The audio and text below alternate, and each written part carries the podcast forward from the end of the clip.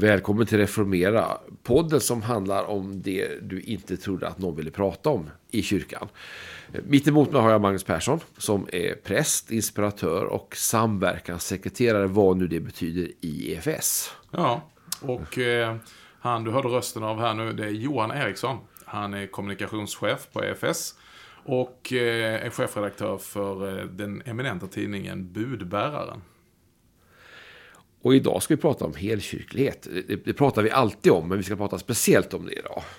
Vad tänker du när du hör den eh, benämningen, helkyrklighet? Kan du komma ihåg när du hörde det första gången? Ja, det var nog faktiskt du som använde begreppet i ett samtal efter en gudstjänst.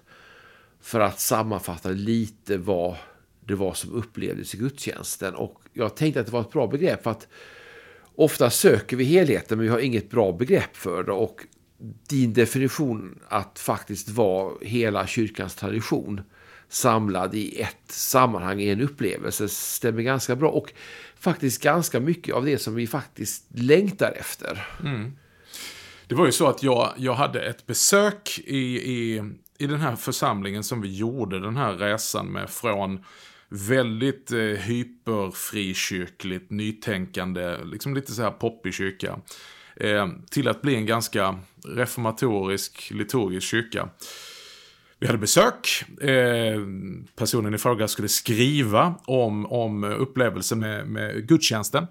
Och eh, när han hade suttit på gudstjänsten så sa han till mig så att jag kan inte riktigt placera er. Jag vet inte riktigt vad jag ska kalla detta. För när jag kom in i början så tänkte jag, ja, här har inte hänt mycket. Det är ju frikyrklig, väldigt hängiven, karismatisk lovsång. Men eh, liturgin och nattvardsfirande, det är nästan på högkyrkligt. Sen lyssnade han till förkunnelsen och den tyckte han var god lågkyrklig EFS-förkunnelse. Och sen samtidigt samlades vi i en typisk folkkyrklig byggnad. En, en, en kyrkobyggnad inom Svenska kyrkan i Malmö. Och så ställer han frågan, så vad är ni? Är ni frikyrkliga, folkkyrkliga, lågkyrkliga eller högkyrkliga? Och så säger jag ja tack, alltihopa. Och så hör jag mig själv säga, vi är helkyrkliga. Jag tänker att det kanske är den här längtan som man inte kan definiera. För att är man som jag uppväxt i EFS och i frikyrkan så har man mött många traditioner och man har mött mycket positivt. Men det är sällan som man får hela biten. Man, man, man njuter kanske av lovsången i ett möte. Man kan uppskatta liturgin i en, i en högkyrklig gudstjänst. Men att det finns en längtan att möta en, en helkyrklighet. Det är egentligen först när man får smaka det. Och egentligen höra begreppet lite grann som eh, en bra bild är väl egentligen eh, GBs Rocky Road. Du, du, vet inte vad det är, men när du har käkat den så förstår du att det här är glassen som du verkligen vill äta. Och nu har du också ett namn på den. Det var intressant. Jag har aldrig, eh, jag har aldrig smakat den glassen faktiskt. Okej. Okay. Den är väldigt, den är väldigt speciell för det är liksom glass och choklad och marshmallows i en salig blandning. Så det, det, är lite Kinderägg alltså. Eh, mer än en ja, sak. Ja, lite av allting. Lite av allt det goda faktiskt. I en, i en, i en bra blandning. Men du, det kan ju låta väldigt flummigt. Eh, gör det inte det? Alltså det här helkyrklighet. Alltså, är det naivt? Är det, är det, är det en, bara en teoretisk tanke som låter bra i teorin men som verkligen funkar i praktiken? Jag tänker att det handlar egentligen också ganska mycket om, om, om FS som rörelse som vill vara både inom kyrkan men kanske ena benet i frikyrkan. Eh, det kan, jag tror att det kan bli väldigt fel när det blir tråkigt. Om man tar det sämsta ur två världar så kan det bli ganska tråkigt och ganska intetsägande. Och man har varit på möten som har haft alla de här ingredienserna av men här pratar vi egentligen om det positiva, det som är kyrkans tradition och gåva, det som egentligen är styrkan i de olika traditionerna. Att när de sammanfogas till en helhet så blir det en helkyrklighet som också representerar en väldigt positiv upplevelse av, av kyrkan, mötet med kyrkan och mötet med gudstjänsten. Mm. Och gudstjänsten är ju kanske också det viktigaste vi gör i kyrkan. Mm. 2014 så arrangerade jag en gudstjänstdag ett ganska stort seminarium, paneldebatt. Och jag tror det var Joakim Lundqvist, pastor i Livets Ord, som eh, sa så här på frågan att ja, är det liturgi eller karismatik? Och då sa han, vill du ha ström eller vill du ha sladd? det är ingen som vill ha sladdar utan ström. Det är ingen som vill ha ström utan sladdar. Jag tyckte det var en briljant eh, förklaring och för att inte sno den rakt av brukar jag tala om att när man tittar på en ny lägenhet så vill man inte gå in i toaletten och få frågan vill du ha kran eller vill du ha vatten? Nej, jag vill ha vatten i kranen. Och jag tycker att det är eh, min erfarenhet. I vissa kyrkor så känner jag här är det strömmar av levande vatten men vattnet är precis överallt och dränker oss snart. Eh, det skulle behövas lite struktur, det skulle behövas lite ordning, jag vill ha en kran. Eh, men jag har också varit i kyrkor som känns som att där är nästan en förgylld kran. Eh, väldigt vackert, men när jag vrider på den hur mycket som helst så är det varken varmt eller kallt vatten. Alltså, jag vill inte ha varken ström eller sladd för sig, utan jag vill ha ström i sladden. Eller då, jag vill ha vatten i kranen. Förstår du den bilden Johan? Ja, jag tror det. Jag tänker att rent fysiskt handlar det mycket om kombinationen av, av faktiskt det bästa ur flera olika traditioner. Ja. Där man tänker att det finns en riket i kyrkans tradition, en rikhet i det som är oss givet från fäderna. Ja. Till exempel gudstjänstordningen, mm. till nattvarden som vi har firat, som vi vet, likadant i stort sett sedan 200-talet. Och här kommer vi in då på ett citat som jag har framför mig som faktiskt är från våra bekännelseskrifter, Augsburgska bekännelsen. För övrigt en bok som vi har gett ut på EFS budbäraren i en nyöversättning. För att ibland så kommer den kritiken, ja men Magnus och Johan, om ni nu hetsar att vi ska gå tillbaka till ursprunget, varför är ni då reformatoriska, som jag hellre kallar mig en lutheran, även om det är absolut det verket som Luther var med och gjorde. Då skulle ni bli katoliker. Eh, eller ortodoxa, eller liksom tillbaka ännu längre. Men då vill jag läsa ifrån eh, den Augsburgska bekännelsen, för där har vi återigen det som vi talade om i första avsnittet. Reformation handlar inte om ett brott med det gamla, alltså ett uppbrott från Kristi kyrka. Utan det är snarare en upprättelse av Kristi kyrka. Så man avslutar och säger så här, när man har skrivit ner allt. Ja, detta är sammanfattningen av vår lära. Och det framgår tydligt att den inte innehåller något nytt eller som står i strid med den heliga skriften eller den allmänna kyrkan, den romerska kyrkan. Och sen på ett annat ställe så understryker de också att hos oss så bibehåller vi i stor utsträckning noggrant de gamla bruken. Det är en falsk beskyllning att alla yttre former för gudstyrkan och alla kyrkans gamla ordningar har utrotats hos oss. Alltså det här är orden ifrån vår bekännelseskrift som ligger till grund för hela svenska kyrkan, den lutherska kyrkan. Eh, och de fortsätter säga att vi avviker inte från den allmänliga kyrkan i fråga om några trosartiklar. Utan vi har blott avlägsnat de missbruk som fanns och som har uppkommit senare och smugit sig in på grund av olika tiders missgrepp. Men vi har åter framdragit och framställt i ljuset av skriftens och fädernas viktiga tankar det som bortskymts av de nyare teologernas spetsfundiga tvister. Ja men det är rätt bra uttryckt, eller hur? Ja det är som inte prick. Det är en intressant bok. Sen tänker jag att det här måste ju då, det talar ju egentligen om mässan och om förkunnelsen. Sen finns det inramning i form av musik och uttryck av lovsång eller salmer. Och där kommer ditt begrepp helkyrkligt in igen. För då tänker jag att den, ofta den, framförallt för mig, fungerande gudstjänst innehåller ett stort mått av både lovsång och faktiskt fungerande karismatiska uttryck. Mm. Som en del av den gudstjänstfirande församling gudstjänst. Och där tänker jag att den här, ofta så möter man ju inte antingen eller idag. Antingen går du till en väldigt karismatisk gudstjänst och så får du en stor dos lovsång och kanske lite förberedd på slutet av tur. Eller så går du och upplever stringent psalmsång och en fantastisk mässa. Men det är kombinationen dessa två som det ligger en sprängkraft i som nästan måste upplevas fast förstås. För att det blir ett möte av kyrkan också i, tycker jag, i hela sin skönhet. Mm. Nej, men jag, och det är där jag tänker att vi, vi, vi måste ta vara på Eh, de här rörelserna som kommer, olika betoningarna i kyrkligheten, kommer ju och tyvärr finner en rännil utanför kyrkan, ofta för att kyrkan säger nej till dem och stänger dörren för dem. Och det är en förlust för båda, för att kyrkan med stort K då, eh, förlorar den förnyelsen de så väl behöver. Men det är också en fattigdom för det nya sammanhanget, för att man går miste om allt det dyrbara som finns i kyrkan. Så, så min, min dröm och min vision och min bön, det är ju att, att de här olika förnyelseorderna ska hitta tillbaka in i kyrkan och att kyrkan ska öppna upp för det. Eh, jag får ju vara med om detta i det, i det som jag kallar då för, för en helkyrklig mässa som har tagit gestalt i olika sammanhang där jag har jobbat i Klara-mässan, i Hammarbymässan.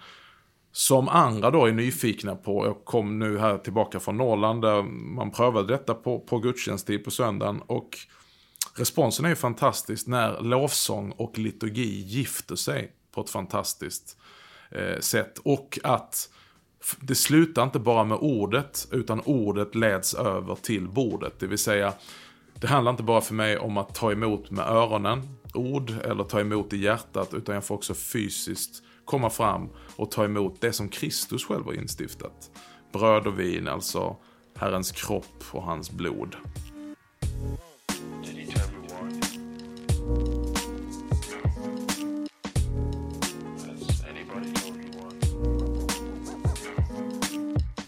Och kanske också ordets predikan. Jag tänker att en sak som vi ofta missar det här när vi pratar mycket om lovsång och uttryck och, och nattvarden i och för sig, bordet, så är det faktiskt ordet. Och jag tänker att man eh, har levt ett längre liv som kristen har hört fruktansvärt många dåliga predikningar, alldeles för många.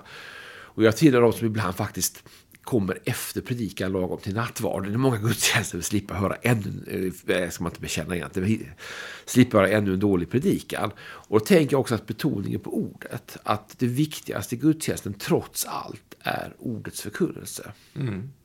Ja, det är ju ordet som ger mening till och innehåll till allting annat. Sakramenten blir ju tomma element utan att orden uttalas över dem. Det är genom orden som vi förstår vad vi äger i vårt dop. Det är genom orden och ordet som vi förstår vad vi tar emot i nattvarden. Så, att, så att det skäms vi inte för att eh, säga att med, eh, med en reformatorisk liksom, betoning så är vi en ordets rörelse. Men det behöver inte sluta där, eh, utan eh, kyrkan behöver ju sända på alla kanaler och röra vid människor med evangeliets skönhet till eh, ande, kropp och själ och, och in i alla sinnen. Ehm, jag hörde en prästkollega vars dotter hade följt med till kyrkan och de hade använt rökelse. Och de kommer ifrån en annan kyrka där man alltid använder rökelse, men det händer inte lika ofta i den här kyrkan. Och så kom hon in och sa, luktar hon? Och så, tittade och så sa hon till sin pappa då, det luktar kyrka! Och eh, det är ju bara ett uttryck av många andra. Eh, ingen appell just för rökelse just nu, men eh, alltså någonstans där det har nått ett litet barn som kanske kognitivt inte hänger med i alla teologiska olika kullerbyttor, men som förknippade olika saker. Om vi tänker efter så är ju kyrkan väldigt fysisk. Det handlar om att lyfta händerna, om att knäppa händerna, om att böja sina knä, eh, ta emot med händer och med mun och, och, och få äta Herrens kropp och få dricka eh, hans blod. Eh, det, det är radikala grejer. Mm. Och det förvandlar oss. Men jag tänker återigen att ordet är det som står i centrum. Jag tänker när vi tar begreppet helkyrklighet är ordets förkunnelse väldigt viktigt. Det finns, tycker jag, en tendens ja. i de här kristna att det finns två återigen djupa diken. Det ena är att det blir väldigt mycket life coaching. Mm. Där vi ska uppmuntras att leva ett bra och ett lyckligt liv. Eller andra diket där du får en väldigt Eh, man säga, förförisk nådesförkunnelse och säger att allt är gott, är allt är gott, du är älskad mm. som det. Men som inte leder till någon form av förvandling i ditt liv. Där finns ingen omvändelse, det finns ingen, ingen spegelbild hålls upp. Och då tänker jag att en bra, med, bra, bra gudstjänst med allmän glans innehåller också ett, ett möte med ordet som får bli en spegelbild för mig. Där jag får möta, mötas och i ordet också. Kanske förvandlas, kanske göras upp, få mm. insikter som, som får den här helheten att fungera. Jag tror att människan idag söker den här helheten. Mm. Det räcker inte med en bra lovsång. Det räcker inte med det. Man behöver ha helheten, helkyrkligheten för att gå rustad i livet. Och när du säger just det här med förkunnelse så tänker jag på ett annat begreppspar, begreppspar som, som, som vi använder, lag och evangelium. Det vill säga två sidor av ordet som också både utmanar och kräver, men som också skänker och ger.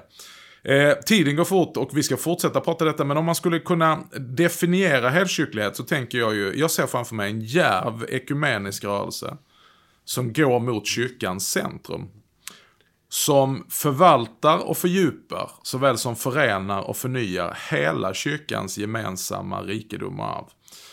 Och då brukar vi säga så här att den är biblisk utan att bli fundamentalistisk.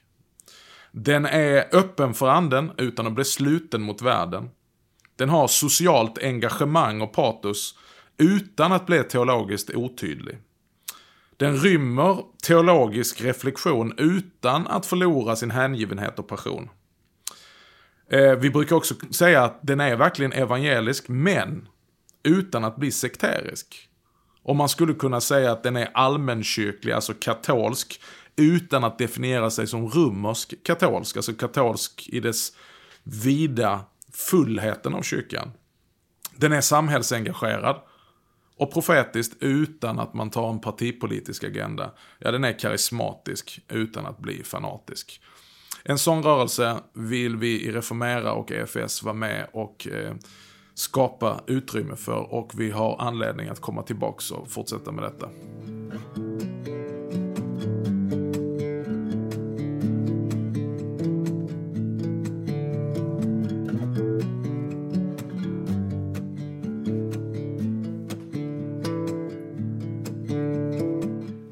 Tal om det vi pratar om så finns det en intressant konferens här som kommer att vara i Santa Clara i maj i år. Just det, Freedom-konferensen. Och egentligen, när jag tänkte så här när vi gjorde, för du vet, ibland när man gör konferenser så tänker man ju grafik, man tänker marknadsföring och så vidare. Och jag är lite dubbel inför det här ordet freedom, för jag tänker att frihet, det är så uttjatat. Och frihet från vad då? Men det finns en anledning att vi kallar den freedom.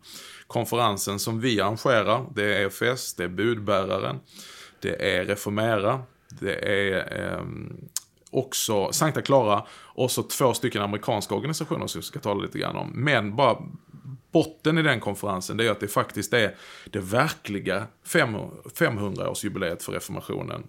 My opinion.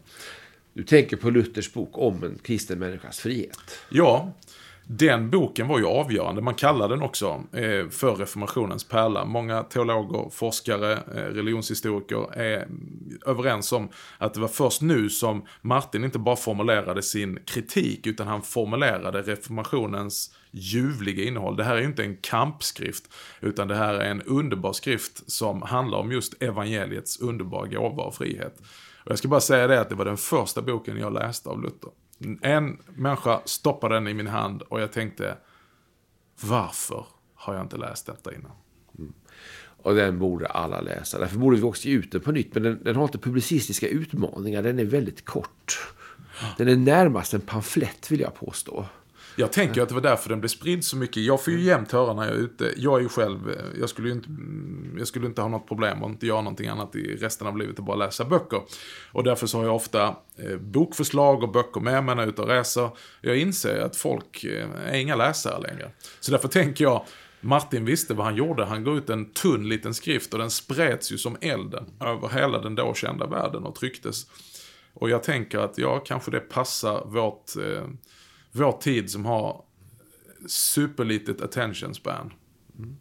Kanske det vi ska göra återgivningen blir kanske en tunn liten lätthanterlig skrift.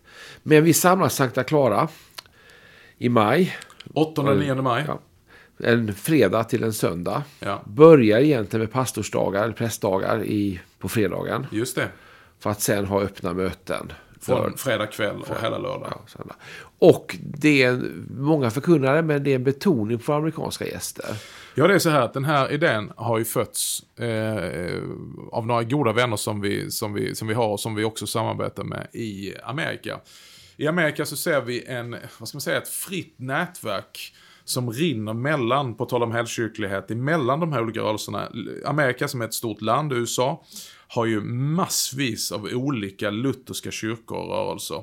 Vissa väldigt konservativa och fundamentalistiska, andra lite mer i, i, i andra hörn. Det finns EFS motsvarighet och det är intressant att många av dessa lutherska rörelser har ju av känd anledning både svenska, norska och tyska rötter. Alltså immigranter som var med och tog med sin kyrka dit.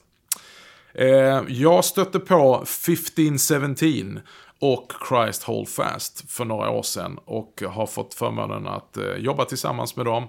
Lyssna på deras podcasts. De har, jag tror det är 14 olika podcasts ute och varje månad gör de här eventsen. Och det var de som upplyste mig och sa, gör ni någonting i Sverige av att det är 500-årsjubileum om en kristen människas frihet, Luthers häfte. Vi gör konferenser i USA, där jag ska få förmånen att tala. Och också eh, så berättade de att vi kommer till Tyskland och gör en stor konferens i Tyskland, i Hamburg. Skulle vi inte göra någonting i Europa i Stockholm? Och jag kände, yes, det här blir perfekt. Och då valde vi Klara, som ligger alldeles mitt i Stockholm. Mm. Rymmer hyfsat mycket folk. Ja. En fantastisk byggnad, men också nära stationen, logistiskt nära. Det finns Mälardalen som upptagningsområde, eller hela Sverige om man så vill. Eh, tanken var, berätta kort, vad kommer att hända på den här konferensen? Eh, ja, vi kommer ju då till att ha eh, ledardag på, på eh, på fredag. Vi inleder 14.00. Speciellt inbjudan för präster, pastorer, predikanter, teologer. Men även ideella eh, volontära ledare. Alltså om man upplever sig som en församlingsbyggare, har en längtan efter att bygga församling, leda församling. Om man är kanske teologistudent så är man välkommen till den samlingen. Det kostar 250 kronor. Och det är av yppersta klass. Och där har vi då medverkande en teolog från USA som vi ska diskutera lite grann. Han heter Chad Bird. Och eh, om vi ska stanna upp där lite grann Johan och tala om, om, om de medverkande lite grann.